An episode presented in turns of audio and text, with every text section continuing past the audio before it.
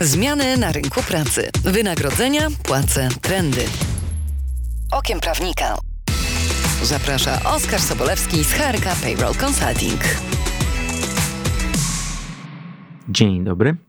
Zapraszam Was na kolejny odcinek e, podcastu. Dzisiaj skupię się na prawnych aspektach współpracy z firmą rekrutacyjną.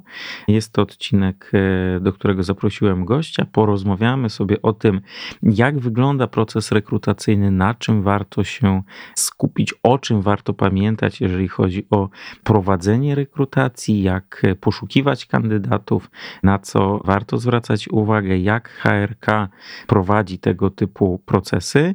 W związku z tym e, zaprosiłem do mojej rozmowy, do dzisiejszego odcinka kolegę Pawła Godlewskiego, który w HRK jest executive managerem zespołu HRK Legal Business Advisor. Z wykształcenia prawnik zajmuje się wspieraniem kancelarii prawnych oraz wewnętrznych działów prawnych w rekrutacji prawników i prawniczek.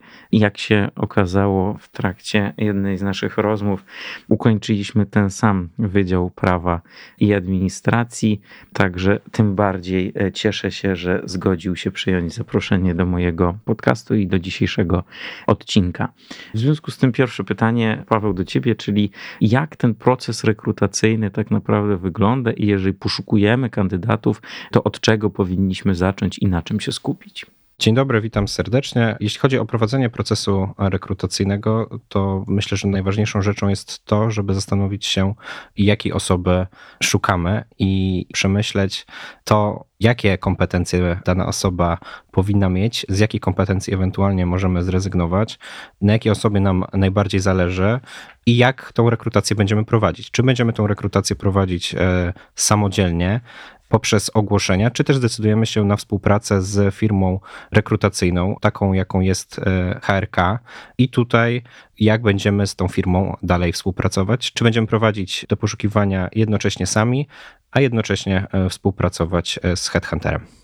A jeżeli chodzi o współpracę z e, firmą rekrutacyjną, czyli to, na czym będziemy się dzisiaj podczas naszej rozmowy e, skupiać, tak naprawdę, jeżeli byłbym takim pracodawcą, który e, poszukuje kandydatów, no w Twoim przypadku prawnika albo prawniczki do, do swojego zespołu, do swojej kancelarii, to od czego tak naprawdę powinienem zacząć? Jakby jakie pytania w pierwszej kolejności usłyszysz od klienta, który poszukuje nowej osoby do swojego zespołu? Przede wszystkim takim pierwszym pytaniem jest to ile to będzie mnie kosztować. I to jest oczywiście zawsze temat e, mocno wrażliwy. Najczęściej na rynku e, spotykamy się z wynagradzaniem agencji rekrutacyjnej e, dwutorowo. Albo to jest płatność, która jest rozbita na ratę, albo w momencie zatrudnienia danego kandydata. Zwykle te stawki są obliczane na podstawie wynagrodzenia, które osoba, którą uda nam się zrekrutować od naszego klienta uzyska. A jeżeli chodzi o sam początek, tak jakby jak do ciebie przyjdzie ten klient albo albo klientka i powie, że szuka osoby na dane stanowisko.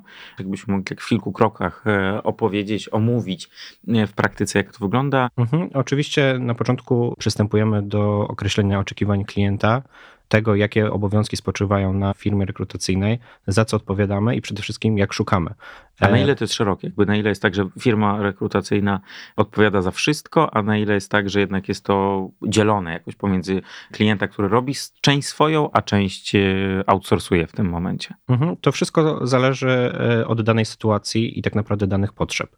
Są przypadki takie, że praktycznie cały proces rekrutacyjny jest wyoutsourcowany na zewnątrz i są to takie modele, które również się spotyka w naszej firmie, takie jak RPO, lub też na przykład zatrudnienie rekrutera na wyłączność.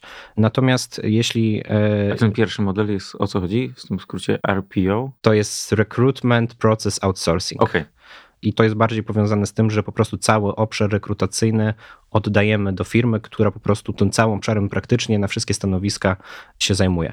Natomiast e, najczęstszym modelem, którym my się spotykamy, to jest taki model, kiedy konsultant rekrutacyjny realizuje jednocześnie procesy dla kilku e, klientów i wtedy oczywiście jako klient ty możesz przesłać e, maila z zapytaniem szukamy księgowego czy prawnika i to trafia wtedy do takiego konsultanta, który najczęściej jest wyspecjalizowany i tak jest w naszej firmie, tak, ponieważ HRK to 21 specjalizacji rekrutacyjnych, to są rekruterzy, którzy znają bardzo dobrze swoje obszary, w których działają i są w stanie bardzo szybko i wydajnie namierzyć kandydatów, którzy są zainteresowani dołączeniem do, do naszego klienta. A ile trwa na ogół taki proces y, rekrutacyjny jakby i od czego to jest y, uzależnione, zakładając, że ci kandydaci są dostępni na rynku? Zakładając, że kandydaci są dostępni na rynku, to, to taki proces powinien mieścić się w przedziale dwóch, trzech tygodni, jeśli chodzi o przedstawienie pierwszych kandydatów. Oczywiście ciężko mi jest powiedzieć, jak ten proces będzie cały wyglądał, bo to nie zależy tylko od firmy rekrutacyjnej, ale też e, od tego, jak dalej będą procesowani kandydaci przez e, klienta, tak? Ile jest spotkań, czy są wykonywane jeszcze jakieś testy i jak bardzo skomplikowany jest proces decyzyjny. I to na ogół jakby jest bardziej umowa taka ramowa w tej współpracy, czy to są bardziej takie pojedyncze strzały, czyli na pojedyncze stanowisko kogoś szukamy, jakby jak w praktyce to wygląda ewentualnie od czego to jest uzależnione? Mhm. Modele umów są tak naprawdę dwa. To może być zarówno umowa ramowa, która określa rekrutację na przykład na wszystkie stanowiska w danej firmie, jest zawarta na jakiś określony czas lub też na czas nieokreślony i która określa właśnie, jak te dane stanowiska będą zlecane i jak to dalej ta współpraca będzie wyglądać. E, natomiast drugim modelem, który jest obecny na rynku, także w naszej firmie, to jest taki właśnie model, kiedy podpisujemy umowę czy też zlecenie rekrutacyjne na dane konkretne stanowisko i wtedy w taką umowę no, po przeprowadzonej rekrutacji kończy się historia tego zlecenia. Kończy się historia tego zlecenia. Okay. Tak. No dobra, a jakby już abstrahując od tego, jakie mamy rodzaje umów, yy, przychodzę z tym zleceniem i pytam się w zasadzie wnioskuję o to, żebyś mi znalazł dane stanowisko, to jak to wygląda? Ty mi później przedstawiasz, jakby od razu się umawiamy, że na przykład przedstawisz mi pięć kandydatur, dziesięć kandydatur, e, czy to jest jakby od ciebie uzależnione, czy ja będę wybierał z tych pięciu, dziesięciu, piętnastu, czy większej liczby osób? To znowu trochę zależy od tego, jakie są e, Twoje oczekiwania. Zwykle w umowach mamy wpisaną, że jest to od 3 do 5 kandydatów. E, natomiast... Czyli jakby co do zasady nie ma tak, że jest tylko jedna osoba, którą prezentujesz, jakby wskazujesz, no chyba, że nie ma jakby, że na tyle jest specjalistyczna ta branża, że faktycznie nie ma większej liczby. E, albo pierwszy kandydat, którego ci prześlę, jest tak dobry, że stwierdzisz, że nie chcesz się spotykać z kolejnymi, szkoda ci czasu, żeby tracić na kolejne spotkania, a też takie przypadki się zdarzają tak?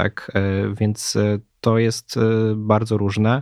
Tak naprawdę, jeśli też prześlemy pięciu pierwszych kandydatów i stwierdzisz, że e, żaden, z nich, żaden mhm. z nich nie spełnia Twoich oczekiwań, no to my też będziemy szukać dalej, tak?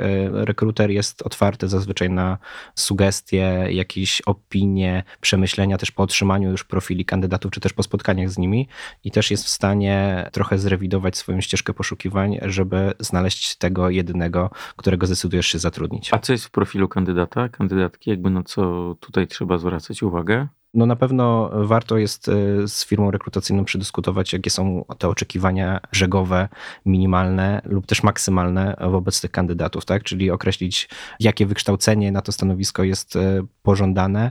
W przypadku prawników, no to czy dana osoba powinna posiadać uprawnienia, być w trakcie aplikacji. Uprawnienia, czyli być radcą prawnym, adwokatem na przykład tak, czy też doradcą podatkowym. Oczywiście tak samo jeśli chodzi o procesy dotyczące finansów, czy powinno mieć uprawnienia biegłego rewidenta, audytora i, tak dalej. Tak? W przypadku stanowisk IT to najczęściej są dane technologie, w których e, dane osoby pracują i też mają doświadczenie. Oczywiście znajomość języka obcego, no to są takie rzeczy podstawowe, tak? E, które po prostu no gdzieś tam no, trzeba sprecyzować na początku. Czasami zdarzają się przypadki, że Twoje oczekiwania być może nie są realne, i tutaj e, rolą konsultanta rekrutacyjnego jest też poinformowanie klienta na temat tego, jak wygląda rynek, na temat tego, jakie są oczekiwania kandydatów i też czy ci kandydaci spełniają te oczekiwania, które klient przedstawił. Więc e, my tutaj staramy się nie być e, maszynką do wysyłania CV, bo od tego są maszyny, boty i to można zrobić, natomiast staramy się być takim partnerem, doradcą tego klienta, klienta i gdzieś tam te oczekiwania jego czasem też urealniać. E, A często jest tak, że trzeba faktycznie urealniać? Zwłaszcza na rynku kandydata to jest najcięższa rzecz i najczęstsza, którą rekruter powinien zrobić, tak? E, bo oczywiście możemy obiecać, że klient dostanie 5-6 bardzo mocnych CV, ale jeśli to tak naprawdę no nie ma szans na to, żeby takich osób znaleźć, bo po prostu taka jest dana sytuacja na rynku, no to nie ma co obiecywać w gruszek na wierzbie. Ty dostajesz te oczekiwania, te kryteria jakimi e, masz się kierować. I jakby co dalej, jakby gdzie szukasz tych klientów i jak to wygląda w kolejnych krokach gdzie szukam kandydatów. Tak, tak, tak, tak. E, to znowu jest e, oczywiście kwestia do uzgodnienia z klientem, natomiast my standardowo szukamy kandydatów wielotorowo. Przede wszystkim publikujemy ogłoszenia na różnych portalach, natomiast widzimy, że ogłoszenia, zwłaszcza na tym rynku kandydata sprawdzają się w bardzo małym stopniu i są to też narzędzia, które mają nasi klienci. E, A dlaczego? Nie jest to na tyle efektywne? Na rynku kandydata nie jest. E, po prostu spływ CV z ogłoszeń jest e, bardzo niewielki, lub też kandydaci, którzy odpowiadają na te ogłoszenia, nie są kandydatami e, takimi, jakim pożąda dana Czy jakby nie e, spełniają tych klient. oczekiwań klienta, czyli na przykład szukam e, radcy prawnego, a ktoś mi wysyła, że jest tylko absolwentem prawa. Tak, ale do tego możemy znaleźć 30 CV nawet osób, które prawo widziały może w Rzeczpospolitej. Tak? A, czyli jeszcze niższy poziom tak naprawdę. Generalnie jest tak, że na ogłoszenia spływają dużo CV, ale nie są to jakościowe, w związku z tym oddanie tego firmie rekrutacyjnej no już nam pozwala oszczędzić czyli czas. to jest ta pierwsza weryfikacja, którą ty dokonujesz na tym etapie. A poza tym e, kwestią ogłoszenia to innym. Ja powiem tak, e, w naszych rekrutacjach, które ja prowadzę, które prowadzi mój zespół, praktycznie bardzo rzadko znajdujemy kogoś, e, kto nadałby się z ogłoszenia. Ale ogłoszenie jest standardem, czyli jakby jak szukam, to wrzucam to ogłoszenie, czy raczej... Niekoniecznie, okay. niekoniecznie, ponieważ zwykle to jest też tak, że do nas trafiają procesy, które też z jakichś powodów klienci nie zamknęli ich sukcesem skutecznie. Właśnie najczęściej klienci publikują te ogłoszenia na swoich portalach, portalach branżowych, mhm. więc e, tak naprawdę to już widać, że nie przyniosło efektu. W związku z tym wchodzimy wtedy my w, i szukamy kandydatów e, bezpośrednio, pisząc do nich przez portale społecznościowe.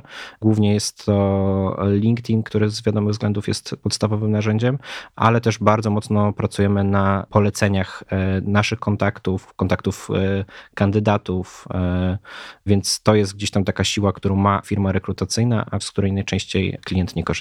A najczęściej z której ścieżki udaje się znaleźć, czyli bardziej relacja z kancelariami, na przykład, które wiemy, że mogą szukać, e, czy kwestia LinkedIna, gdzie rozmawiamy z tymi kandydatami? Czy to jest jakby mniej więcej pół na pół? To zależy, tak, ale no standardowo, e, żeby pozyskać pięciu e, chętnych i kandydatów, którzy spełniają kryteria, trzeba pewnie wysłać e, około setki albo ponad setkę wiadomości, porozmawiać z 30-40 osobami, które odpowiedzą pozytywnie, zweryfikować je, więc no to jest dużo, dużo pracy, na którą najczęściej klienci czasu nie mają, a ten czas ma firma okay. rekrutacyjna. A jak, a jak wygląda taka weryfikacja takich osób? Czyli załóżmy, że już mamy u ciebie jest 50 e, osób na te 5 e, miejsc, które finalnie mi przedstawisz, to jakby jak ty weryfikujesz i czemu wybierasz tę osobę, a nie tę drugą? To powiem tak, bardzo rzadko się zdarza, żeby było 50 osób na okay. 5 miejsc. E, nasza praca to jest e, stricte headhunting, mhm. tak? Czyli to my bardziej prosimy tych kandydatów, którzy spełniają te oczekiwania, żeby wzięli udział w procesie, a co więcej, gdzieś tam często ich przekonujemy. Mhm. E, musimy sprzedać tą ofertę na rynku kandydata, tak? Ofertę klienta, żeby ich zaciekawić po to, żeby w ogóle chcieli z naszymi klientami rozmawiać. Okej, okay, no dobrze, czyli mamy już kilkanaście tych osób, albo te osoby, osoby, do których ty kierujesz tę ofertę bardziej szczegółową, no i jakby czym się tutaj kierujesz, jakby na co warto zwrócić wtedy uwagę, też jakby z perspektywy tych osób, które o tę pracę się starają, czyli jakby gdzie ta weryfikacja na którym etapie e, jest prowadzona? Weryfikacja jest prowadzona na pierwszym etapie, drugim czy trzecim, bo standardowo to wygląda tak, że jest pierwsza rozmowa telefoniczna, mhm. potem rozmowa najczęściej e, online, gdzie widzimy się, czasami kandydaci są zapraszani do biura, więc tak naprawdę na każdym etapie już są weryfikowani kandydaci. Tak. Jakaś część e, odpada, jak rozumiem? Najczęściej tak, ale to z różnych przyczyn. Tak? Najczęściej też to wygląda tak, że no też na przykład oferta naszego klienta nie jest z jakichś względów dla nich atrakcyjna, więc to sami oni odpadają i częściej się zdarza, że to odpadają właśnie ze względów takich, a nie, lub też na przykład właśnie oferta, czy też technologia, w której nie mają pracować, zbyt... nie jest zbieżna z ich zainteresowaniami, czy z dalszymi perspektywami na rozwój. Okej. Okay.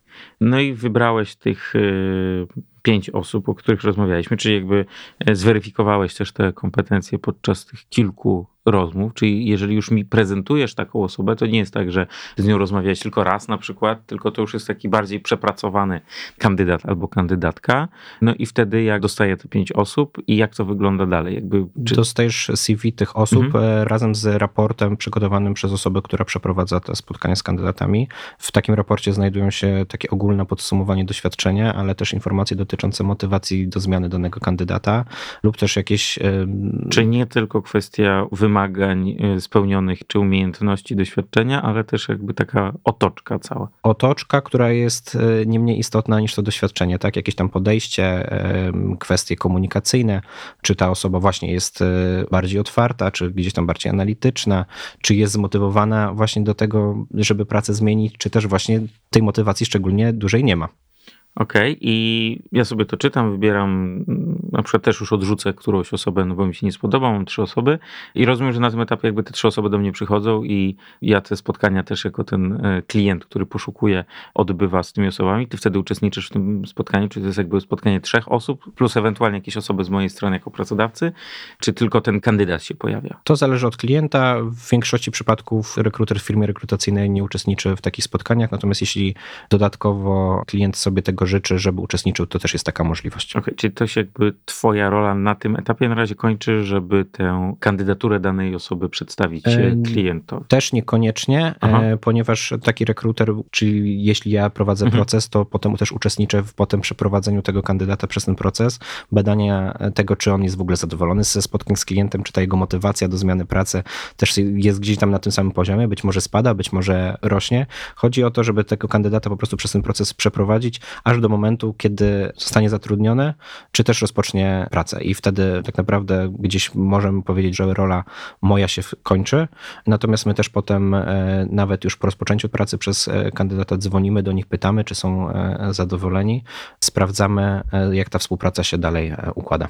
No właśnie, no bo mamy jakby ten moment zakończenia takiego całego procesu w zatrudnieniu ale jeszcze nie cały proces rekrutacji, no bo tutaj zatrudnienie no to będzie podpisanie listu intencyjnego, zawarcie umowy o pracę później i faktyczne rozpoczęcie tej pracy. No ale jakby tak jak powiedziałeś, jeszcze jest ta kwestia takiej gwarancji wyboru tego kandydata albo kandydatki, czyli tak naprawdę jeżeli się okaże, że zatrudniłem tę osobę i po okresie próbnym no nie jestem z tego zadowolony, z tej osoby, to rozumiem, że jeszcze firma rekrutacyjna gwarantuje, że mogę otrzymać jeszcze inną osobę na to stanowisko. Jak to wygląda? Tak, zwykle w naszych umowach e, z klientami jest e, zawarte postanowienie dotyczące gwarancji na danego kandydata, tak? I to jest e, taka gwarancja, która polega na tym, że jeśli faktycznie z jakichś względów umowa z tą osobą zostanie rozwiązana, przez dany okres obowiązywania tej gwarancji, zwykle to jest tak od miesiąca do 12 miesięcy, w zależności od umowy, czy no też. Długo. Myślałem, że to 3 miesiące to jest maks. To... 12 miesięcy to jest już tak maksymalnie przy wysokich stanowiskach e, jakichś dyrektorskich, mhm. E, partnerskich, kierowniczych, mhm. tak? Natomiast jeśli chodzi, jakby im mniejsze stanowisko, to wtedy ta gwarancja jest krótsza. Więc w tym okresie, jeśli ta umowa z różnych przyczyn, zarówno leżących po stronie, jeśli zdecyduje się pracodawca rozwiązać umowę, ale też pracownik być może nie przedłuży tej umowy, bo nie będzie musiał pracodawcy podobać, to wtedy zobowiązujemy się do przeprowadzenia tego procesu ponownie do przedstawienia kolejnych kandydatów kandydatów. I to na ogół są nowe kandydatury, czy jak mieliśmy tą piątkę pierwszą, która do mnie trafiła, to raczej z tych pozostałych czterech osób, y, to oczywiście domyślam się, że weryfikujesz te osoby, czy one są dalej zainteresowane, czy są chętne, czy raczej znowu jest jakby szersze badanie rynku? No. Zwykle to są nowe osoby i to jest prowadzony praktycznie proces od początku. Mhm. Natomiast y, często się zdarza tak, że na przykład gdzieś w tych puli pięciu początkowych kandydatów były dwie osoby mocne, klient zdecydował się wybrać tą jedną, ale ta druga osoba też spełniała jego oczekiwania. W związku z tym e, wtedy gdzieś tam prosi o wrócenie do tych osób, więc to zależy. Okej. Okay. I rozumiem, że takie jednorazowe, powtórne przeprowadzenie rekrutacji w danej sytuacji to jest na ogół standard. No i jeżeli byśmy chcieli e, z drugiej osoby bylibyśmy raczej niezadowoleni, no to już e, zabawa zaczyna się od początku, mówiąc trochę e, w skrócie. Jeśli chodzi o zapisy gwarancyjne, mhm. to taki standard bardziej. Taki standard to jest tak, że gwarancja jest faktycznie jednokrotna, bezpłatna gwarancja, tak? mhm. tak? Bo tutaj mówimy o tym, że ten podobny proces jest prowadzony bezpłatnie w cenie pierwszego mhm. kandydata. Natomiast... Za chwilę jeszcze przejdziemy do wynagrodzenia wynagrodzenia, także rozwiniemy ten wątek. Mhm. Natomiast e, jeśli ten drugi kandydat się nie sprawdzi, to zwykle ten kolejny proces będzie odpłatny, chociaż e, często tutaj staramy się być elastyczni i dogadać się e, z klientem tak, żeby zarówno on był zadowolony i faktycznie tą osobę miał, jak i też żebyśmy my byli w sposób sprawiedliwie wynagradzani. A na ile często konieczne jest przeprowadzenie tej drugiej rekrutacji, czyli jak często klienci z tej gwarancji korzystają? To jest kwestia 5%, 10%, 50%? To zależy od zespołu. Aha. W moim zespole taki współczynnik gwarancji to jest poniżej 2%, więc to się zdarza bardzo, bardzo rzadko, ale czasami się zdarza, więc e, A jeżeli się zdarza, to jakie to są sytuacje, że klient jest niezadowolony, pracownik jest niezadowolony, czy raczej znowu pół na pół? bardzo, bardzo, bardzo różne sytuacje, tak? E, Więc tutaj takiej statystyki nie prowadzę. Okej, ale raczej rzadko się to zdarza. Tak jak powiedziałem, mniej niż 2%. Okej, a w innych y, działach? W, w jak... Myślę, że jest podobnie. Tutaj oczywiście mówię, mówię jak to wygląda w HRK. tak, tak, tak, tak, tak. Nie wiem, jak to wygląda u konkurencji, natomiast e, generalnie te gwarancje występują rzadko, ponieważ po pierwsze, właśnie tak jak powiedziałem, kandydaci są bardzo mocno weryfikowani. Czy też ta otoczka, do której ja nawiązałem wcześniej, jest y, chyba istotna, no bo jeżeli spojrzelibyśmy tak na takie suche CV, czy suchą rozmowę bez takich pytań dodatkowych, no to podejrzewam, że to może też wpływać na to, że ten współczynnik jest na tyle niski. Bo akurat myślałem, nie znając jakby odpowiedzi na to, na to pytanie, myślałem, że powiesz bardziej coś w 10-15% na tym poziomie. Czy ten dwuprocentowy wskaźnik to mnie bardzo zaskoczył. Tak, jest to niski. No my przede wszystkim staramy się e, budować relacje z kandydatami i e, zwłaszcza jeśli te procesy są dłuższe, a czasami na wysokie stanowiska te procesy trwają parę miesięcy, no to ja jestem, można powiedzieć, gdzieś tam zaprzyjaźniony już z tymi kandydatami, więc potem e, naprawdę no, pozwala to nam też zaradzić jakimś sytuacjom, które, które mogłyby być niekomfortowe zarówno dla klienta, jak i kandydata. Czyli kim tak naprawdę jest ten rekrutor w tej sytuacji? Z jednej strony, no oczywiście musisz zweryfikować jego wiedzę, z drugiej strony poznać tę osobę.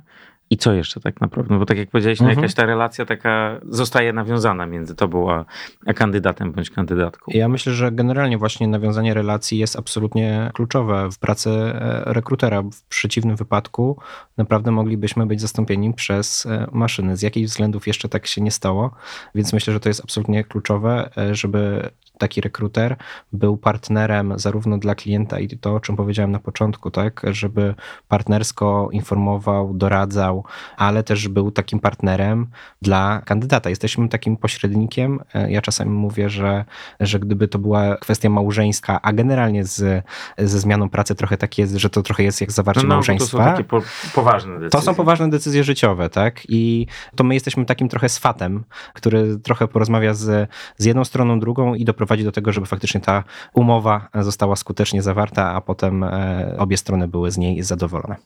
Okej, a jeżeli chodzi o całą kwestię dotyczącą opłat i wynagrodzenia za to, to jakby na, od czego jest uzależniona wysokość opłaty? Czy to jest e, równowartość wynagrodzenia, czy to jest jakiś procent z budżetu wynagrodzenia danej osoby, czy po prostu kwota, która jest e, wzięta tak naprawdę bez jakiegoś powiązania z tym, ile dana osoba zarabia? Tak, zwykle wynagrodzenie dla firmy rekrutacyjnej jest powiązane z rocznym e, lub też miesięcznym wynagrodzeniem e, zrekrutowanej osoby i kształtuje się to najczęściej w przedziale dwóch do trzech, najprościej, najprościej będzie, jak powiem, dwóch do trzech wynagrodzeń miesięcznych e, danego kandydata.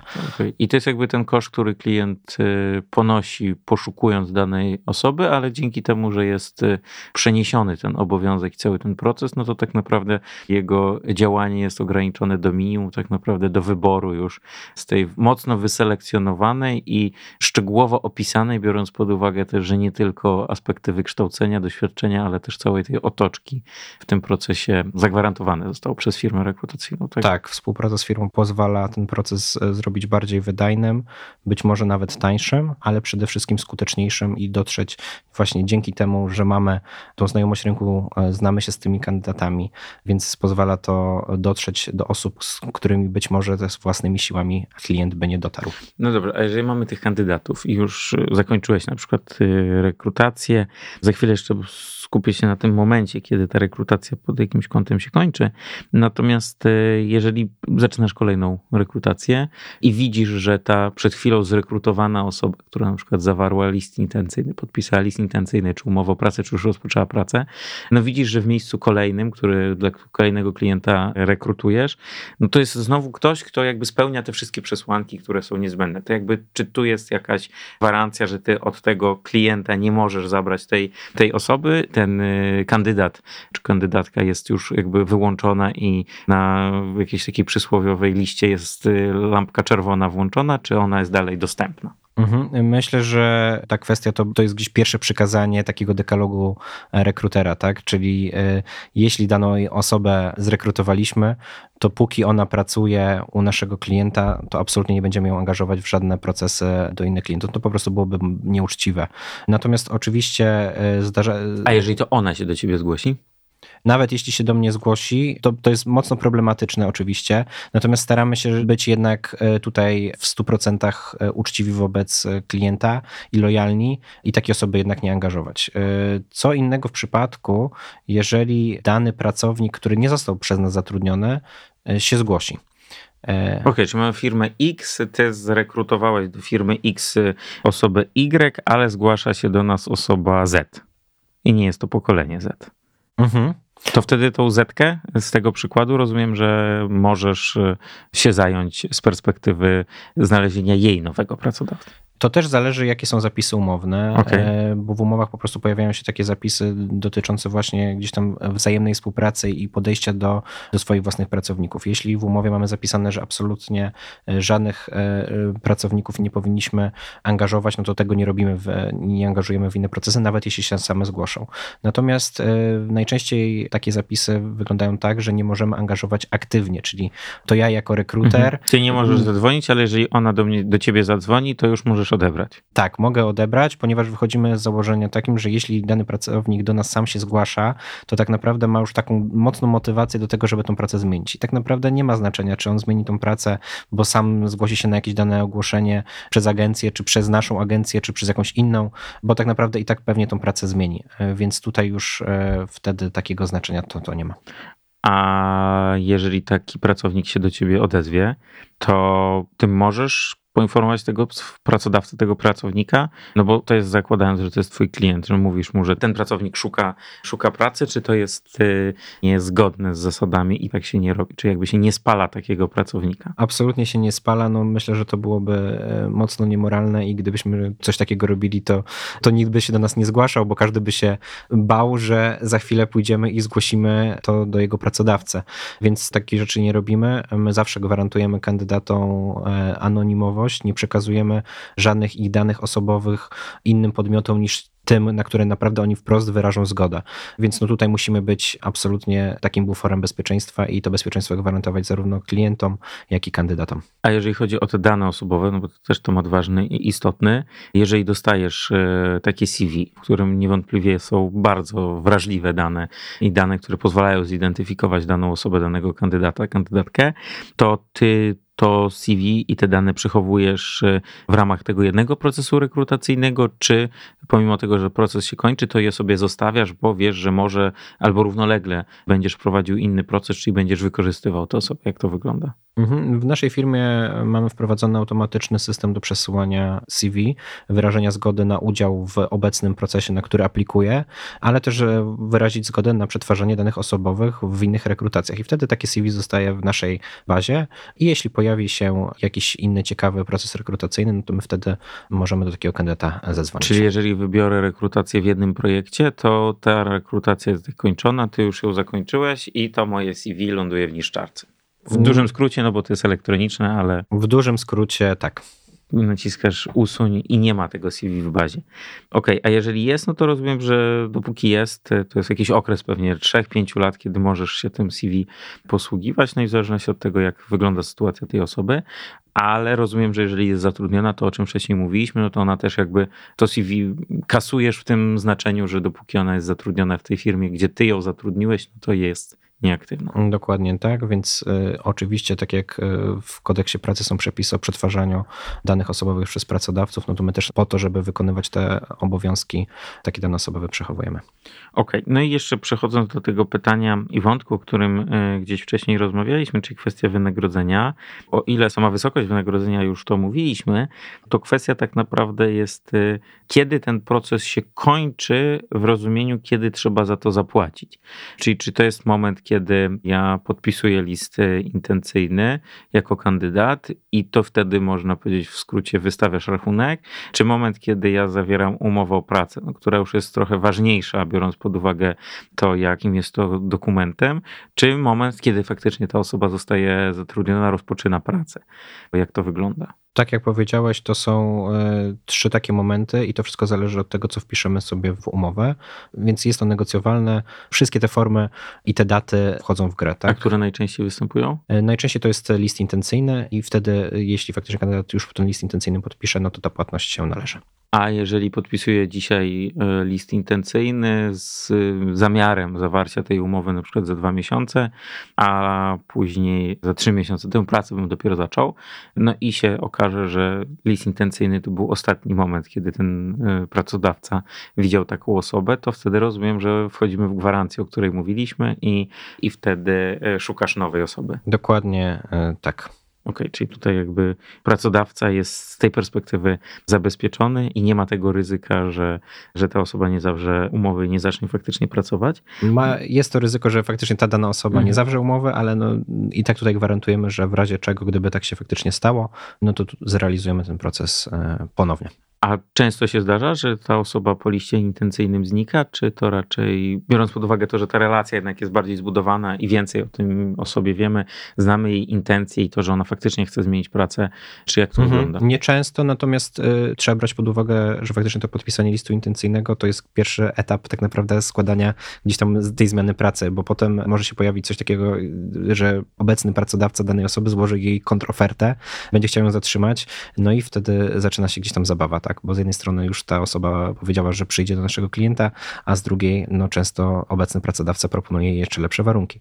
I zdarza się tak, że nasi kandydaci jeszcze te oferty potem weryfikują, podnoszą po to, żeby jednak tego kandydata skutecznie u siebie zatrudnić. Okej, okay, czyli jakby wtedy jeszcze jest, e, znowu trochę używając pewnych skrótów, licytacja pomiędzy tym, czy stary pracodawca da więcej, czy nowy pracodawca jest w stanie zapłacić więcej, czyli tak naprawdę ściągnąć tę osobę do siebie. Zdarzają się przypadki licytacji. Nie jestem ich wielkim fanem, chociaż są niezwykle emocjonujące. Ale częste, czy raczej? Nieczęste, chociaż y, no, w swojej karierze zawodowej y, parę takich przypadków y, miałem i to naprawdę też byłem sam zdziwiony, jak wysoko obie strony licytowały. E, czyli zarówno stary, jak i nowy pracodawca. Tak, i to parokrotnie. Do tego stopnia, że kandydat e, otrzymał e, dwukrotnie większe wynagrodzenie niż chciał początkowo. Czyli warto licytować, biorąc pod uwagę ten aspekt. Warto licytować, jeśli wartość kandydata jest, a widocznie tak było dla obu stron, bardzo wysoka. A przy tych licytacjach częściej wygrywa stary czy nowy jednak? W tym przypadku, o którym wspomniałem, kandydat powiedział, że lepszy jest wróg znany niż nieznany. Okay, czyli nie zdecydował się na zmianę i weszliśmy w gwarancję. Nie weszliśmy w gwarancję, ponieważ to był proces jeszcze niezamknięty, więc, Aha, przed, przed... Y, więc to jeszcze było jakby przed tak, nawet podpisaniem chyba listu intencyjnego. Okay, tak. Czyli takie sytuacje też się... No bo tak, bo z perspektywy tego kandydata czy tej kandydatki, no to ten list intencyjny, no to jest tak naprawdę ten moment, kiedy tak naprawdę powiemy nowe, obecnemu pracodawcy, że, że chcemy się z nim rozstać. No, nie mając tego listu intencyjnego, raczej mało kto składa wypowiedzenie, no bo jednak ten przepływ jest taki na zakładkę, a nie z jakąś e, niepewnością. Mhm, Chyba, tak. że są takie branże jak pewnie IT, gdzie możliwość znalezienia pracy to jest kwestia kilku minut, może nie aż tak, ale no kwestia dnia, dwóch, trzech i pewnie jesteśmy w stanie znaleźć e, nowego pracodawcy. Tak, słyszałem o tym, że zwłaszcza w branży IT kandydaci nie mają założony kont na LinkedInie do momentu, aż tą pracę nie chcą zmienić, ponieważ e, inaczej piszą do nich rekruterzy dzień w dzień i to parokroć. Natomiast jeśli tę pracę chcą zmienić, to wtedy zakładają konto na LinkedInie, czekają na spływ ofert i wtedy tę pracę zmieniają, żeby potem to konto sobie zlikwidować i mieć e, święty spokój. Wśród prawników aż tak nie jest. Na szczęście aż tak e, nie jest, chociaż jest e, ciężko pod tym względem, że młodsi prawnicy, znaczy młode osoby, właśnie z pokolenia Z, o którym też e, zresztą wspomniałeś, no nie chcą już pracować w dużych kancelariach po kilkanaście godzin, jak do tej pory to wyglądało. A jak rynek na to reaguje? Rynek się musi przystosować i widzimy naprawdę te zmiany. Oczywiście one są gdzieś tam mocno powolne, ale widzimy, że no, rynek wymusza na to, żeby faktycznie work-life balance nawet w dużych kancelariach w większym stopniu był.